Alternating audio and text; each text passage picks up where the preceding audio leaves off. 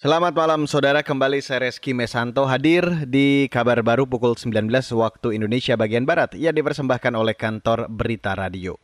Informasi pertama di kabar baru pukul 19, langsung saya ajak Anda untuk update informasi COVID-19. Tambahan kasus positif COVID-19 di Indonesia kembali mencatatkan rekor tertinggi harian. Dalam sehari terakhir terdapat tambahan kasus baru lebih dari 5.400-an kasus. Ini merupakan angka tertinggi sejak kasus pertama muncul di Indonesia pada 2 Maret lalu. Total penularan COVID-19 di Indonesia mencapai 457 ribu orang. Angka kematian juga masih tinggi, mencapai 100 pasien dalam sehari terakhir, sehingga total angka kematian akibat COVID-19 di Indonesia berjumlah 15 ribu lebih. Meski demikian, pemerintah juga menyatakan ada penambahan pasien sembuh sebanyak 3 ribu orang. Dengan demikian, total pasien sembuh di tanah air lebih dari 380 ribu orang. Dan pada 24 jam terakhir, pemerintah melakukan pengetesan terhadap sebanyak 42 ribu lebih spesimen.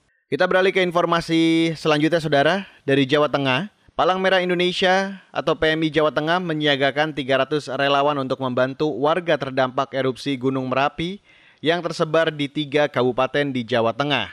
Juru bicara PMI Jawa Tengah Muhammad Nasir mengatakan, Ratusan relawan PMI itu disiagakan untuk mengawasi protokol kesehatan dan mengecek kondisi kesehatan pengungsi. Ini kita lagi siapkan kurang lebih 300 orang, berarti dengan berbagai spesialis.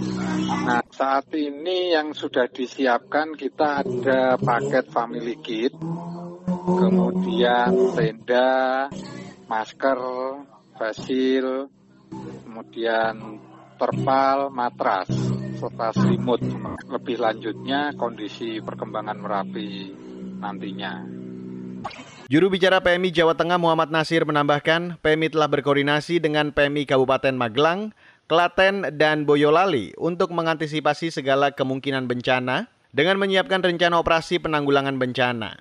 Ratusan relawan PMI itu dikerahkan untuk membantu warga di puluhan titik pengungsian yang tersebar di Kabupaten Magelang, Klaten, dan Boyolali. Kita ke mancanegara, saudara pemerintah Tiongkok akhirnya mengucapkan selamat kepada Presiden Amerika Serikat terpilih Joe Biden. Pemerintah Tiongkok menyatakan mereka menghormati pilihan rakyat Amerika. Dikutip dari AFP, ucapan selamat itu disampaikan juru bicara Kementerian Luar Negeri Tiongkok Wang Wenbin. Hampir sepekan setelah pasangan Joe Biden dan Kamala Harris memenangkan pemilu Presiden Amerika Serikat.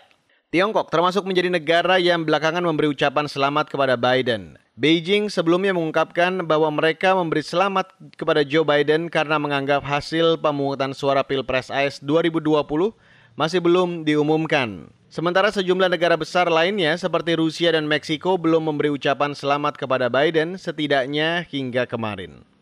Demikian kabar baru KBR saya Reski Mesanto.